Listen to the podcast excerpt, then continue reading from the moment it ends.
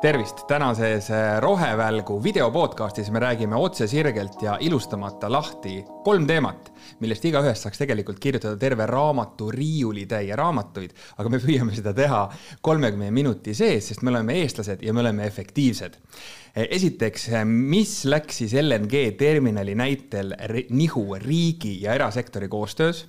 teiseks, kust tuleks ometi hea elektri hind ja kolmandaks, miks tekivad taastuvenergia võimsused naaberriikidesse ja mitte Eestisse. ja laua taga on kolm meest, kellel on vastused. energiasalve juht Peep Siitam, tere. tere. Alexela juhatuse esimees Martti Hääl, tere. tervist. ja Sunly juhatuse esimees Priit Lepassepp, tere. tere alustame siis LNG terminalist. Martti, miks läks sellega nii, nagu ta läks ja mida oleks sellest õppida? No ja seal põhjuseid on palju ja nagu sa õieti ütlesid, sellest saaks raamatu või võib-olla ma kunagi ka kirjutan. aga kui sealt välja noppida võib-olla mõned nihukesed, mis täna aitaks meid kõige rohkem edasi, siis ma arvan, esimene ja kõige olulisem on see, et eh, meil era- ja avaliku sektori koostöövõime noh, kas nüüd puudub, aga on väga madal ja ma julgeks öelda ka nii, et ja avalikul sektoril, erasektori suhtes usaldust nagu ka liiga palju ei ole ja ma arvan, et see on, on võib-olla, kõlab karmilt, aga, aga, aga selle eest äh, ausalt, et, et ma arvan, et selle taha jäid äh, mitmed äh,, mitmed asjad, kuna ähm, sellises olukorras hakkab siis ju avalik sektor või riik alati mõtlema, et kuidas, kuidas ise teha või kuidas riigikapitalismi edendada ja, ja noh, siis nii lähebki, et see on võib-olla nagu kõige niisugune Äh, suurem ja, ja ähm, nii-öelda mõte. Ja võib-olla teine on see, et äh, äh, pika plaani puudumine. et sellest teemast on ju tegelikult noh, me oleme ajanud seda kolmteist aastat, kaks tuhat neliteist, ma arvan, igalühel oli selge, kui Krimm ja Donbass toimusid, et noh, noh, see päris nagu niisama ei ole ja varustuskindluse osas võiks võib-olla hakata ringi mõtlema ja, ja, ja mõtestama. Täna me oleme nüüd selles kohas, kus varustuskindlusest saadakse hoopis elulisemalt ja praktilisemalt aru, aga aga kahjuks äh, vajalikud taristulised ettevalmistused on tegemata, mille tõttu ongi see olukord, kus seal, kus taristu on, seal maksab gaas kakskümmend viis kuni, kuni kuuskümmend euri megavatt-tund ja seal, kus ei ole, nagu meil, maksab äh, noh, täna sada kümme, aga aga ka siin võib näiteks öelda, et meil ja Leedul on praeguseks kahekümne eurone äh, gaasi hinna erinevus lihtsalt selle tõttu, et ühel on taristu ja teisel ei ole. Peep, mis sa lisaksid sellele? no ma ei tea, mulle see, ma muidugi raamatut sellest ei saa kirjutada, sest ma kõikide detailidega kursis ei ole, aga mulle meenutab see ühte varasemat epopöad riigi ja erasektori koostööst või õigemini selle puudumisest, et, et kus siis piltlikult öeldes erasektorile öeldi, et et vaadake, me siin tegeleme tõsiste asjadega, et, et, et ärge segage, et et, et parimal juhul võite kiluõileibu valmistada ja neid siis äh, nii-öelda pidulikel puhkudel maha müüa. praamidest sa räägid, jah? Noh, kui sa juba ütlesid, eks. et äh, jah, et äh, no midagi sinna kanti, et, et see koostöö elementaarne puudu, puudumine, seal peamine põhjus minu meelest on,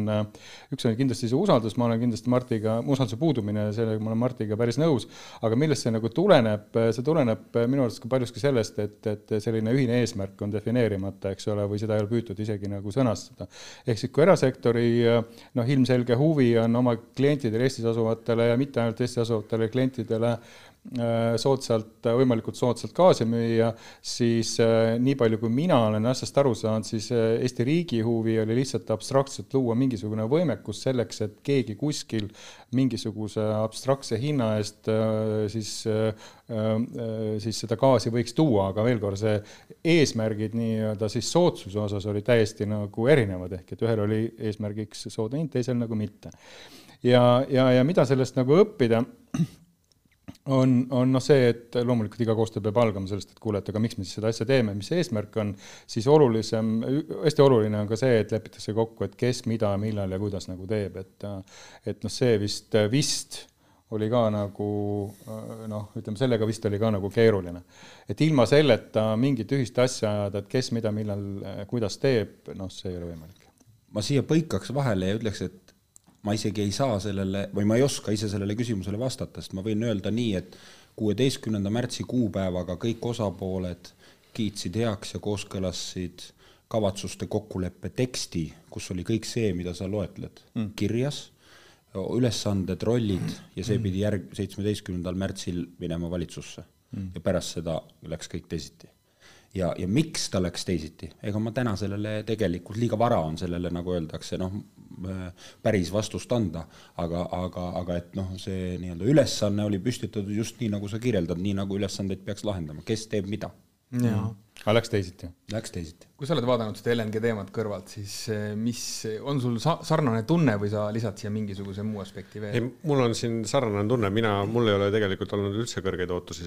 selles osas, et eh, mida Eesti riik selles küsimuses üldse teeb, et kui vaadata laialdasemalt arengukavasid, siis mina ütleks seda, et meil on laialdane riigikapitalism vohamas, eh, mis ei ole üsna edukas olnud tegelikult, et meil on küll meedias hästi palju räägitud sellest, kuidas nad on hästi edukad aga kus nad on edukad ja mida nad tegelikult igapäevaselt teevad, et hästi palju näiteid on tuua, kus kohas äh, meil on arengukavades öeldud, et mida me soovime saavutada. ja, ja kui me võtame näiteks energeetika valdkonna, äh, siis äh, seda oleme üritanud viimased viisteist aastat realiseerida läbi riigiettevõtete. Et see, neid valdkondi on veel, kus kohas igapäevaselt riik siseneb uude sektorisse ja, ja see on, pigem on see küsimus, et see usaldamatuse küsimus, mis on justkui nagu tekkinud, et meil oli äh, Juhan Partsi Res Publica lubadus oli kodukulud alla. alates sellest momendist alates ei ole kodukulud teinud mitte midagi muud, kui ainult üles tulnud. ja ma olen sellel teemal isegi diskuteerinud äh, Taavi Veskimäega just selles küsimuses, et kas tegelikult Estlink kaks eestlaste jaoks tõi hinna alla või ta ei toonud. just selles küsimuses, et Estlink kahe funktsioon pidi olema pikaajaliselt hoida siis hindu kontrolli all aga tegelikult ta suutis seda kontrolli all hoida ainult äh, väikse osa oma kogu perioodist, sest et täna on hinnad seal, kus nad on. ja, ja üks sama küsimus, energiajulgeoleku küsimus, et äh, ma olen seda näitet päris mitu korda toonud, et äh, kriisiolukorras, kui me räägime päriselt energiajulgeolekust, siis energia on kaup, et see, kas sul on raha selle eest maksta või mitte, selle selgitatakse välja hiljem. Aga, aga kui me võtame Covidi kriisi, eh, Eesti riik võitis sellest väga palju ja nad võib-olla ei pruugi aru saadagi, kui palju, et Chemi-Pharma tehas oli Eestis ja tootis siin eh, vedelikke, mida oli teistel riigil vaja ja samamoodi oli meil kaupu vaja vastu et, et kaup oli olemas. just, kaup oli olemas ja siin sama, täpselt sama küsimus selle, eh, ka mina olen LNG terminali kohta öelnud positiivset just selle tõttu, et kui me vaatame erinevaid lahendusi äh,, nagu reaalseid lahendusi, kuidas lahendada ära monoküttel olevate äh, nii-öelda inimeste siis see julgeolek ja tööstuse julgeolek, just hindade julgeolek, sest et me oleme siin Euroopas äh, nii-öelda hindade konkurentsis ja just sisendhindade konkurentsis tööstusettevõtete jaoks. et äh, kuidas seda siis lahendada, et kas piisab ainult sellest, et meil on selline tulumaksusüsteem või, või ettevõtjad tahavad midagi enamat? ja mulle tundub, et see ei ole ju üldse selle energiakriisile nii-öelda ainuomane, selles samas tervisekriisis me nägime ju teiste asjadega, mida meil ei olnud koha peal, kas või näiteks vaba liikumine piiriüleselt, eks ole, kus noh, plaksust läheb see asi kinni, kui see peaks olema nii-öelda rahvuslikes huvides ja see ei ole üldse etteheitvalt öeldud. See ongi minu arvates nii, et, et noh, võib-olla lihtne oleks seda defineerida umbes selliselt, et solidaarsus töötab ülejäägi oludes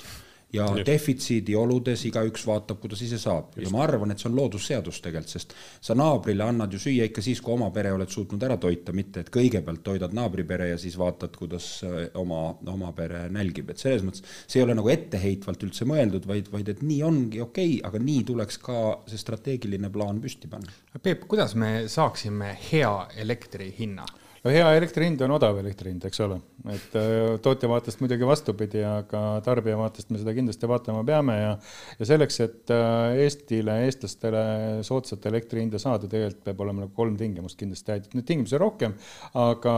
aga kolm kindlasti, üks on see, et äh, soodsat elektri hinda saad sa tagada eelkõige kodumaiste tootmisvõimsustega see on hästi oluline aru saada, et Portugalis või, või Tšehhis asuv tootmisvõimsus Eesti tarbijate nii-öelda soodsat elektri hinda ei taga. teiseks. aga see, mida sa ütled, on minu arvates nagu mm, ma arvan, aasta tagasi mitte keegi ei olnud sellega veel nõus. jah, täpselt ja, ja tõsi, ma püüan praegu meenutada, ma, ma olen seda juttu ja. rääkinud küll aastaid, et no, ilmselt, ilmselt kehvasti, eks ole. et me peame järel, järeleaitamistunde võtma. teiseks on see, et, et soodsat hinda, kõige soodsam viis elektrit toota on tegelikult peamiselt taastuvenergiast, eelkõige tuulest, päiksest, veest sinna juurde mõõdukas koguses salvestust, tipuelektrijaamasid, kindlasti meie puhul, me tipuelektrijaamade puhul räägime biogaasist, biometaanist selle, selle kütusena ja nüüd hästi oluline, tegelikult arukatest võrgulahendustest et äh, ja, ja kolmas, äh, kolmas kriteerium äh, on, on kindlasti siis nii-öelda nende lahenduste, kodumaiste energiatootmise investeeringute vaheline toimiv konkurents nii-öelda avatud kaubaturul ehk siis reaalselt toimival turul. sellel reaalselt toimivast kaubaturust ehk siis elektriturust me see tänases formaadis rääkida ei jõua, kindlasti Rohevälk räägib sellest kunagi tulevikus põhjalikumalt, aga, aga see, mis puudutab nüüd äh, siis võrku. Palju räägitud võrku, siis võrgu puhul tegelikult on, on minu arvates nagu kõige suurem mentaliteedi muutus peabki meil toimuma elektrivõrgu puhul, sest võrk, elektrivõrgust on saanud äh, peamine takistus, ma ei ütle peamine, aga üks olulisemaid takistusi selles, et, äh, et me äh, et me tegelikult uusi võimsusi rajada ei saa või õigemini nende, nende võimsuste rajamine on nagu tunduvalt kallim kui, ähm, kui naaberriikide juures lihtsalt diskrimineerimise äh, tõttu, ehk siis võrk diskrimineerib tootjaid. ja, ja, ja miks see võrgust rääkimine on siin oluline, on, on see, et ähm, et äh, ilmselgelt olukorras, kus üks tootmisviis äh, asendub teise tootmisviisiga, hajutatud tootmisviisidega, kus tootmiskeskused tulevad mujale, kus nad varasemalt on olnud, siis, äh, siis arvestades seda tehnoloogia arengut, ei ole mitte mingisugust põhjust ehitada nagu täpselt samasugustel vanadel põhimõtetel põhinevat elektrivõrku samas koguses ähm, nüüd uude kohta, seda on mõistlik teha äh, kasutades paindlikke, paindlikku siis, äh, paindlikkusteenuseid, on nad siis salvestused või tarbimise juhtimine. Ja, ja, ja see aitab tegelikult vähendada võrgu investeeringuid, vähendab kohustusi siis siis tootjatel võrguinvesteeringuid ähm, välja ehitada ja parandab seega, seega ka siis seda äh, nii-öelda konkurentsivõimet. ehk siis äh, meil on me sellest, kuidas äh, nüüd taastuvenergia võimsusi, tuult, päikest, salvestust ja tipuenergiat Eestisse tuua, kohe räägime, aga selle momendina siis nagu ütleme, sellise olulise momendina siin ma tõin selle võrgu välja just, et see on nagu meie hästi suur pudelikael Priit, kas sa toonitaksid ka võrgu teemat või, või midagi muud, et kuidas ikkagi elektri hind oleks sõbralik? Elektri hinna sõbralikuks muutumiseks peab tootmist riigis rohkem olema, et mina olen selle mentaliteediga täitsa päri. Äh, võrgu küsimus, äh, ma arvan, see on väga palju kinni selles, kuidas me siiamaani oleme võrku arendanud äh, ja kuidas me selle üle arvestust peame, kuidas me seda metalli kasutame, et see on nii, me oleme tulnud sellisest vanakooli maailmast, kus kohas tootja toodab kakskümmend neli seitse aga samas ajal tootja, osad tänased tootjad on sellised, kelle tarb- või nii-öelda tootmisprofiilid on täiesti erinevad. see on niisugune arvestuslik temaatika üldse. Et äh, siin on näiteks Leedu üritab selles äh, suunas edusamme teha äh,. Ameerikas on see California osarik, kes üritab seda selle poole peal ka teha nii-öelda, kuidas vana süsteemi targemalt ära kasutada et meie põhiline probleem täna üldse on, on olnud sellisest kümnes, kümme aastat odav elekter mis on võimaldanud väga tugevalt turule tulla not in my backyard poliitikal või siis mitte minu tagahoovis poliitikal, mis on väga palju üles ehitatud omakorda lobiorganisatsioonide liht, lihtsates sõnumites, mida siis taastuvenergia sektor on viimased kümme aastat maha üritanud suruda, aga isegi kui täna endiselt ikka veel minna kuhugi rääkima, siis me kuuleme infrahelist äh, me kuuleme lihtsatest põhjendustest, kus kohas tuulik peaks olema hoonest kilomeetri, kümne kilomeetri, kahe kilomeetri kaugusel. kõik need väited on täiesti valed ja me kuuleme seda rääkimas nii meediat, riiki, kohaliku omavalitsuse esindajaid ja tegelikult ka mõnikord ka taastuvenergia arendajaid endid. et nad lähevad selle lihtsa kommunikatsiooniga kaasa, mille lõplik eesmärk peaks olema see, et tegelikult äh, seda võimsust ei tule või see tuleb hästi kaugele ja me kuuleme ka ju poliitikas seda, kuidas nii-öelda, kui me läheme põlevkivist nii-öelda välja, siis peaks minema avamere tuuleparkidesse. ja just see, et ühelt, ühest piiri äärest teise piiri äärde, et jumala eest see ei oleks nagu minu lähedal. aga tegelikult tulema, et hinnad alla saab, on ajaenergeetikas. me tulevikus muutume kõik äh, siis inglise keeles prosumer iteks, mis tähendab seda, et me toodame ise peamise vajaduse, me tegelikult tagame ise oma julgeoleku, ehk siis kindlasti on nii, et kui elekter ära läheb, siis päeval on meil elekter olemas ja me saame elementaarseid toimetusi teha ka hiljem ja see, kas me siis usaldame sealjuures äh, sellist riiklikku süsteemi, et ta on kogu aeg kättesaadav. vaata, isiklikult ma selles nagu nii kindel ei ole. julgeoleku kontekstis ma igapäevaselt muidugi nagu usun seda, usun seda juttu ja pean uskuma ja ma arvan, et õige on ka uskuda. Aga tegelikult ka, et ajaenergeetika lahendused koos äh, koos aku salvestusega koha peal ja, ja kõik need momendid tööstuste ja kõikide muude jaoks, kelle, kes ikkagi nii-öelda siis majandust elavdavad, mida siis näiteks äh, pumphüdroakumulatsioonijaamgi nagu tagab, need on ka kõik selle süsteemi osad. aga ma räägin just äh, täna nii-öelda iga inimese elektri hinnast, see ei pruugi tähendada iga siis suurtööstusettevõtte elektri hinnast, et need on täiesti kaks erinevat maailma. ajaenergeetika, me liigume lähedale tarbijale Martin, ma küsiksin sinu käest sama küsimuse konkreetsemalt, mis peaks olema nüüd järgmine samm, et elektri hind oleks parem? Mina arvan, et no väikseid samme on palju, mida teha saab, aga see kahjuks seda struktuurset või suurt probleemi ei lahenda. aga suure probleemi lahendamiseks järgmine samm on see, et tegelikult meeldib see või ei meeldi, siiani ei ole see kellelegi meeldinud, aga selline juhitamatu protsess üleminekuprotsess nii-öelda senisest äh, tsentraliseeritud äh, tootmisega ja hajutatud tarbimisega süsteemist sellele, millest Priit just rääkis. see on väga suur nii-öelda reform, väga suur muutus. ja nagu loota, et selline muutus äh, toimuks noh, nagu ma isegi ütlen mitte, et toimuks normaalselt või mõistlikel tingimustel, aga et see üldse õnnestuks, ilma et sellel ei ole noh, juhti sellel juhil ei ole selget plaani ja tegevuskava, mis iga kuu, iga päev, mida jälgida, mida teha, mis peab millal sündima, mis kuupäevaks keegi ehitab sinna tootmisvõimsuse, sinna salvestuse, sinna kolm-, noh, see on täitsa lootusetu iga kord, kui ma selliselt selle teema püstitan, küsitakse mu käest, et kas ma tahan plaanimajandusse tagasi minna. ja, ja ma oskan sellele kommenteerida ainult selliselt, et no siis järelikult meil Alexela majas ongi kommunism, sellepärast et ilma plaanita meie majas ühtegi noh, nii-öelda isegi väikseid muutusi ellu ei viida. see, sama, sama kommentaar on minul teiste riikide kohta ka, et mida mina näen nagu tegutsedes neljas riigis, on see, et Lätis on tegelikult tulemas täna energiaminister, minister ja energiaministeerium, meil endal on riigireformiga määratud olnud minister tegelikult peame liikuma sinna suunas, et kui vaadata, mis on, miks on olnud Leedu edukas energiaministeerium loodi, Poola kliimaministeerium loodi, kõikidel nendel on projektijuht ja kõigil nendel on plaan ja kui keegi tahab nagu ka mind on süüdistatud plaanimajanduses, sellepärast ma olen Poola näidet toonud, kus kohas plaan oli paigas, kui palju päikest, kui palju tuult, kui palju tuumaenergeetikat, kui palju ligniidienergeetikat nemad ikka veel ajavad ja kui palju välisühendusi ja mis ajaks nad neid ehitavad. ja selle plaaniga on niisugune huvitav asi, et mõned osad nendest plaanidest on täitunud, mõned osad on ületäidetud, näiteks äh, päikseparkide osakaal turul aga kuna nad ise ka näevad, et energiajanu on nii suur, siis nad näiteks päikse, päikse poolt on tõstnud nagu mitmekordselt, aga see ongi, kui sul, see on erisus, kus sul on plaan või sul ei ole seda üldse. selle Äh, ühe asja ma tahaksin, äh, ühe karjuva eriarvamuse tahaksin välja öelda, et äh, et see, et plaan ja, ja juht peab olema, selles ei ole küsimust ja selles mõttes Martti tõstis vastuseks su küsimusele, mida nüüd teha, täiesti õige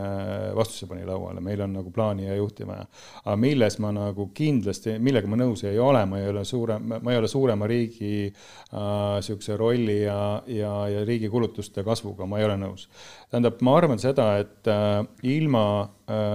sisuliselt era- ja riigisektori koostööd korraldamata ja täiesti uues vormis, ma pean seda silmas täiesti äh, võib-olla isegi seaduse alusel äh, Äh, siis äh, sellise riigi ja avaliku sekt-, või pera- ja avaliku sektori äh, koostööd ümber korraldamata selleks, et kasutada erasektoris olevat teadmiste ja oskuste pagasit, see ülesanne ei ole tehtav. ja selleks on meil vaja,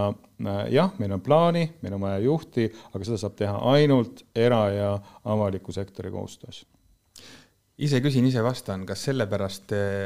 ongi Soomel, Leedul, Poolal ja teistel riikidel paremini taastuvenergia võimekusega, et neil on plaan ja juht? lihtsustatult tegelikult küll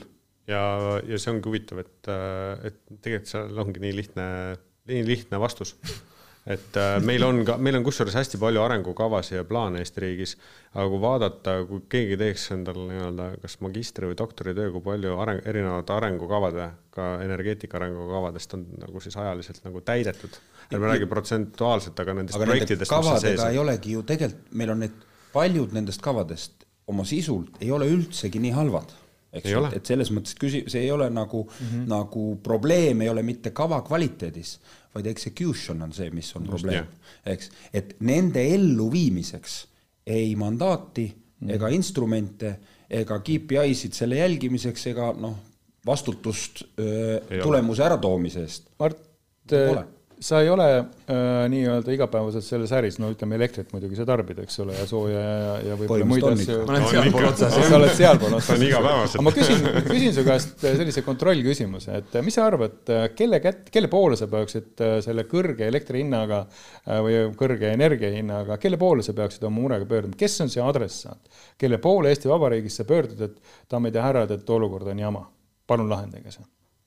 no ilmselgelt see esimesena ei ole ju ettevõte, eks ole, ikkagi tahaks pöörduda ju rahvaesindaja tahaks, aga kelle poole sa pöördud?